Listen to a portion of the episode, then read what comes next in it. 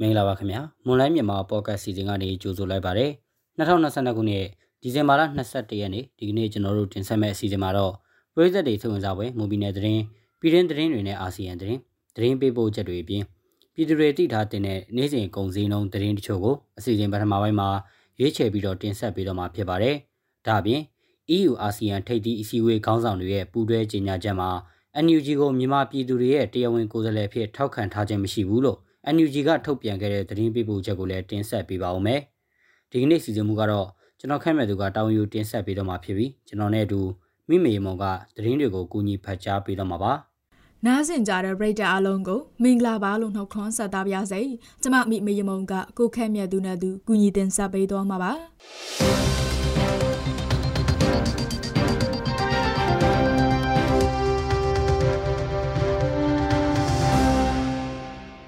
ကြိုက်ထုံမြို့နယ်တိန်စီရဲမြို့က CDN အထက်တန်းပြဆရာမတဦးကိုစစ်ကောင်စီတပ်ကဖမ်းဆီးသွားတယ်လို့မိသားစုနဲ့နှီးဆက်သူတွေကပြောပါတယ်။ CDN ဆရာမဒေါ်တီရီအောင်ဟာ PDF တွေနဲ့ဆက်သွယ်နေတယ်လို့ဆိုဆွဲပြီးဖမ်းဆီးဖို့စစ်တပ်ထောက်ခံတဲ့ Telegram အကောင့်တွေကလှုံ့ဆော်တာတွေရှိခဲ့တာကြောင့်ဒီဇင်ဘာလ16ရက်နေ့ညမှာဖမ်းဆီးခံလိုက်ရတယ်လို့သူကပြောပါတယ်။ဆရာမဒေါ်တီရီအောင်ဟာတိန်စီရဲမြို့အထက်တန်းကျောင်းကနေ CDN လုတ်ခဲ့တာပါ။ဒါပေမဲ့တခြားဘာလှုပ်ရှားမှုမှမလုပ်ဘူးလို့မိသားစုနဲ့နှီးဆက်သူတွေကပြောပါတယ်။ ဖမ်းဆီးခံရတဲ့အချိန်ကလည်းအခုချိန်ထိမိသားစုနဲ့ဆက်သွယ်မရဘူးလို့ဆိုပါတယ်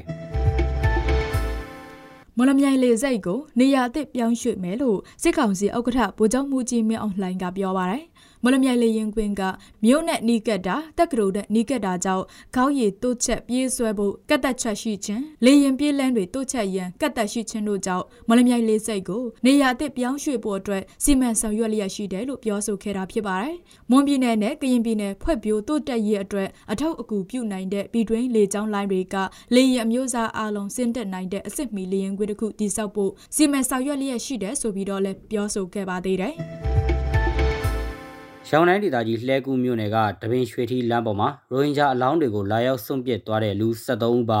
မှောင်ခိုအဖွဲ့ကိုဖမ်းမိပြီလို့စစ်ကောင်စီဘက်ကသတင်းထုတ်ပြန်ထားပါတယ်။စစ်ကောင်စီတပ်ဘက်ကတော့ရိုဟင်ဂျာတွေကိုမှောင်ခိုကူးတဲ့အမျိုးသားတွေဟာလူတအုပ်ကို9သိန်းနှုန်းနဲ့ရယူခဲ့သူတွေဖြစ်ပြီးဒီရိုဟင်ဂျာတွေဟာဘင်္ဂလားဒေ့ရှ်နိုင်ငံဒုက္ခသည်စခန်းကနေရခိုင်ပြည်နယ်တဲကိုဝင်အဲဒီကမှတဆင့်မလေးရှားနိုင်ငံကိုအလုပ်လုပ်ဖို့တွားကြမဲ့သူတွေလို့ဆိုပါတယ်။စစ်တွေကနေဝင်လာတဲ့ဒီရိုဟင်ဂျာတွေကိုမကွေးတိုင်း ပဒန်းမြို့ကနေပသိမ်မုံရွာလမ်းအတိုင်းစီပေါက်စာကားနဲ့ခေါ်ဆောင်လာချိန်မှာလမ်းမှာစစ်ဆေးရေးဂိတ်တွေကြောင့်ကားအမိုးအဖုံးပိတ်ပြီးခေါ်လာရကနေကားထဲမှာပါလာတဲ့အမျိုးသား73ဦးလုံးတေဆုံးခဲ့တာလို့လည်းဆိုပါတယ်။တေဆုံးခဲ့သူတွေဟာဘင်္ဂလားဒေ့ရှ်ဒုက္ခသည်စခန်းကနေဆက်လက်စီက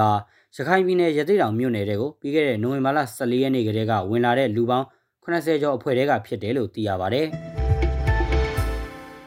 ကချင်ပြည်နယ်ဖားကမြို့နယ်အတွင်းမှာစစ်ကောင်စီတပ်ဖွဲ့ဝင်တွေကဖမ်းဆီးသိမ်းယူထားတဲ့လိုင်စင်မဲ့ကားတွေကိုမိရှို့ဖျက်ဆီးတာတွေလုပ်နေတယ်လို့ဖားကတ်တရားခံတွေစီကသိရပါဗျ။ကဲအဆက်ဆက်လိုင်စင်မဲ့ကားအသုံးပြုမှုများပြားတဲ့ဖားကတ်တရားမှာလက်ရှိလိုင်စင်မဲ့ကားဖမ်းဆီးမှုတွေကိုရင်ထိန်တပ်ဖွဲ့ဝင်တွေကလှုံ့ဆော်ခြင်းမရှိဘဲစစ်သားတွေကဖမ်းဆီးသိမ်းယူနေတာဖြစ်ပြီးစစ်တပ်အရာရှိတွေနဲ့ပတ်သက်မှုရှိသူတွေနဲ့ဝန်ထမ်းတွေသာငွေပေးပြီးကားပြန်ထုတ်လို့ရတယ်လို့တရားခံတွေကဆိုပါတယ်။စစ်ကောင်စီတပ်တပ်ဖွဲ့ဝင်တွေကသိမ်းယူထားတဲ့လိုင်စင်မဲ့ကားအစီး20ကျော်ကိုပြီးခဲ့တဲ့နှစ်ရက်ကဖားကတ်မှာ ဘတ်ဟိုးဆက်နဲ့ဖျက်ဆီးခဲ့တယ်လို့ကာမိုင်းမြို့မှာလည်းအလားတူသိမ်းယူထားတဲ့ကားနှစ်စီးကိုမီးရှို့ပျက်စီးခဲ့တယ်လို့သိရပါတယ်။စစ်ကောင်စီတပ်ဖွဲ့ဝင်တွေကလာမယ့်နှစ်ဇန်နဝါရီလအထိလိုင်စင်မဲ့ကားတွေကိုစီမံချက်နဲ့ဖမ်းဆီးသိမ်းယူက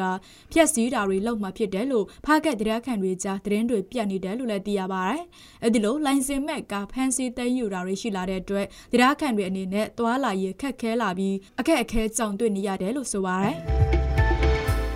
မြန်မာနိုင်ငံအခြေအနေနဲ့ပတ်သက်တဲ့အလို့သဘောတိုင်ပင်ဆွေးနွေးတဲ့အစည်းအဝေးတစ်ခုကိုထိုင်းနိုင်ငံကဦးစီးပြီးမနက်ဖြန်မှာကျင်းပမယ်လို့သိရပါဗျ။အဲ့ဒီအစည်းအဝေးကိုတက်ရောက်ဖို့အာဆီယံအဖွဲ့ဝင်နိုင်ငံတွေကိုဖိတ်ကြားထားပါတယ်။အဲ့ဒီအစည်းအဝေးဟာတရားဝင်အာဆီယံအစည်းအဝေးမဟုတ်ဘဲမြန်မာနိုင်ငံမှာဖြစ်ပွားနေတဲ့အကြက်တဲအခြေအနေတွေကြောင့်ထိခိုက်မှုရှိတဲ့နိုင်ငံတွေကတာဝန်ရှိသူတွေကိုခေါ်ယူပြီးအမြင့်ချင်းဖလှယ်ဖို့ကြိုးပမ်းတာသာဖြစ်တယ်လို့အမည်မဖော်လိုသူတာဝန်ရှိသူတဦးကထိုင်း PBS သတင်းဌာနကိုပြောဆိုထားပါတယ်။အဲ့ဒီတာဝန်ရှိသူက မြန်မာနိုင်ငံကအကြက်တဲကြောင့်တိုက်ရိုက်ဖြစ်စေတွေ့ဝိုက်ပြီးဖြစ်စေထိခိုက်ခံစားနေရတဲ့အိန္ဒိယနိုင်ငံတချို့ကဒီအစည်းအဝေးကိုတက်ရောက်ဖို့အတည်ပြုထားကြပြီးကျန်တဲ့အာဆီယံနိုင်ငံတွေကတော့မတက်ရနိုင်တဲ့အကြောင်းပြောပါတယ်။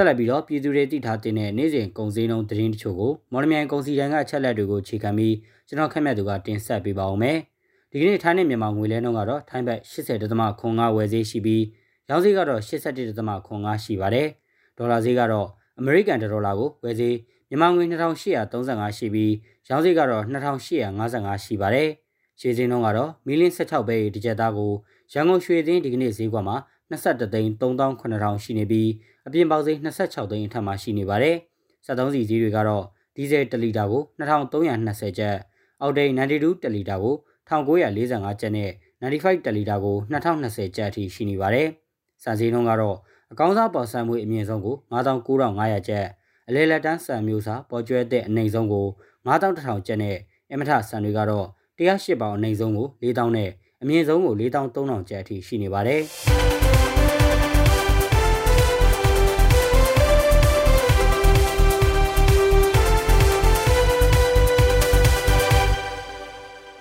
အခုတင်ဆက်ပေးသွားခဲ့တာကဒီဇင်ဘာလ22ရက်နေ့မှာဖြစ်ပျက်ခဲ့တဲ့မွန်ပြည်နယ်သတင်းပြည်တွင်းသတင်းနဲ့အာဆီယံသတင်းတွေပြင်တနေ့တာစီစေးငွေစည်းနဲ့ကုန်စည်နှုန်းတွေကိုတင်ဆက်ပေးသွားခဲ့တာပါဆက်လက်ပြီးတော့ EU အာဆီယံထိပ်သီးအစည်းအဝေးခေါင်းဆောင်တွေရဲ့ပူးတွဲကြေညာချက်မှာ NUG ကိုမြန်မာပြည်သူတွေရဲ့တရားဝင်ကိုယ်စားလှယ်ဖြစ်ထောက်ခံထားခြင်းမရှိဘူးလို့ NUG ကထုတ်ပြန်ခဲ့တဲ့သတင်းပေးပို့ချက်ကိုစတောင်းတစ္ဆာကတင်ဆက်ပေးပါဦးမယ်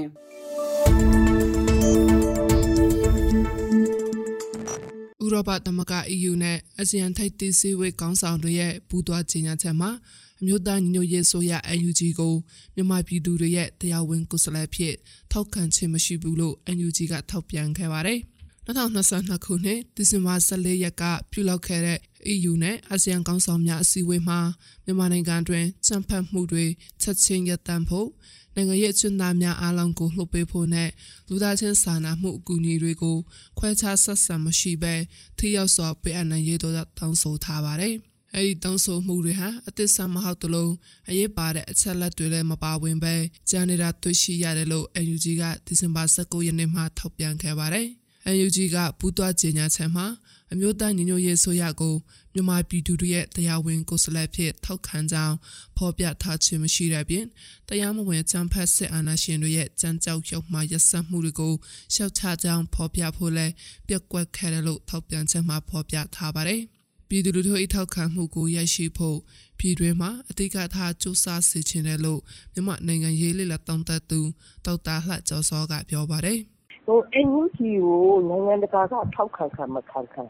အရေးမကြီးပါဘူးအရေးကြီးတာပြည်သူလူထုကဆက်ထောက်ခံလို့လေအဲ့ဒီတော့ပဲ NUG ကဆက်ကြိုးစားတယ်လေအဲ့တော့ NUG အနေနဲ့ကပြည်သူလူထုကိုပုံမစည်းရုံးအောင်ပုံမပေးချရအောင်အဲပြည်သူလူထုရဲ့ထောက်ခံမှုကိုရအောင်ဒီထဲမှာပဲအဓိကထားပြီးတော့အဲ ကြိုးစားစေချင်တယ်နိုင်ငံတကာမှာလည်းဝင်လို့ပါမလုပ်လို့တော့မပြောပါဘူးလုပ်ဖို့လိုပါတယ်ဒါပေမဲ့ဟိုနိုင်ငံကြီးတွေရဲ့သဘောထားကိုကိုယ်ကသိထားနေတာတခုပါတော့မြန်မာပြည်တွင်ငြိမ်းချမ်းရေးနဲ့လုံခြုံရေးမတည်မငြိမ်ဖြစ်ပေါ်နေပြီးပတ်ပေါင်းဆောင်ချက်တဲတွေကိုကူညီဖြည့်ရှင်ဖို့ EU နဲ့အာဆီယံတို့မှစုပန်အားထောက်မှုတွေကိုမိမိတို့အနေနဲ့ပူးပေါင်းဆောင်ရွက်ဖို့အသင့်ရှိတယ်လို့ UNG ရဲ့ထောက်ပြန်ချက်မှာဖော်ပြထားပါတယ်။ UNG ဟာပြည်သူ့ရွေးချယ်တင်မြှောက်ထားတဲ့အစိုးရဖြစ်တဲ့အတွက်နိုင်ငံတကာမှလက်ခံလာနိုင်တယ်လို့ထိုင်းနိုင်ငံချစ်ဆိုင်မြန်မာအလို့သမားရေးဆောင်ရွက်ပေးနေသူကိုသားကြီးကပြောပါတယ်။ UNG ဒီအများပြည်သူရွေးချယ်တင်မြှောက်တဲ့အစိုးရတရားဖြစ်တာကဘာသိအောင်ပြည်သူတွေကကြေညာထားပြီးဖြစ်တဲ့အတွက်တဖြည်းဖြည်းလက်မခံတဲ့နိုင်ငံကလက်ခံလာနိုင်တဲ့အနေအထားရှိပါတယ်။ဘာကြောင့်လဲဆိုတော့ UNG အစိုးရကဟိုလက်နက်ကင်ပြီးတော့မှတောင်းကျမ်းတဲ့အုပ်စု တဦးတယောက်ထံ အဖွဲ့အစည်းတခုခုထံက အာဏာယူထားတဲ့ အစိုးရမဟုတ်ဘူးပေါ့နော်ဖောင်နေကင်ထားပြီးတော့မှ အများပြည်သူကို မိမိတို့အဖွဲ့အစည်းရဲ့ ဆင်ញလုံးညံတဲ့ အုပ်ချုပ်တဲ့အစိုးရတရဖြစ်တဲ့အတွက် NUG ဟာအဲဟိုပါပေါ့အဲတချိန်ချိန်မှာပေါ့အများပြည်သူ ရွေးချယ်တင်မြှောက်ရချိုးနှက်တဲ့ အစိုးရတရဖြစ်လာမယ်ဆိုတာကိုတော့ အတိအလင်းပြောလို့တယ်ဗျ လက်ရှိမှာ စစ်ကောင်စီနဲ့ UNG တို့ဟာ နိုင်ငံတကာမှ တရားဝင်ဆိုရဖြစ်တိမှတ်ပြုရေးတန်တမန်ရေးရမှအပြန်လျက်ရှိနေပါတယ်ရှင်။ ကျမတို့ရဲ့မလန်းမြန်မာပေါ့ကတ်အစီအစဉ်ဒီမှာတင်ပြီးဆုံးပါပြီ။နားဆင်ကြတဲ့ပရိသတ်အားလုံးကိုနောက်နေ့အစီအစဉ်တွေမှာဆက်လက်အားပေးကြပါအောင်လို့ဖိတ်ခေါ်ရင်းအစီအစဉ်ကိုအဆုံးသတ်ပါရစေ။အားလုံးကိုကျေးဇူးတင်ပါတယ်ရှင်။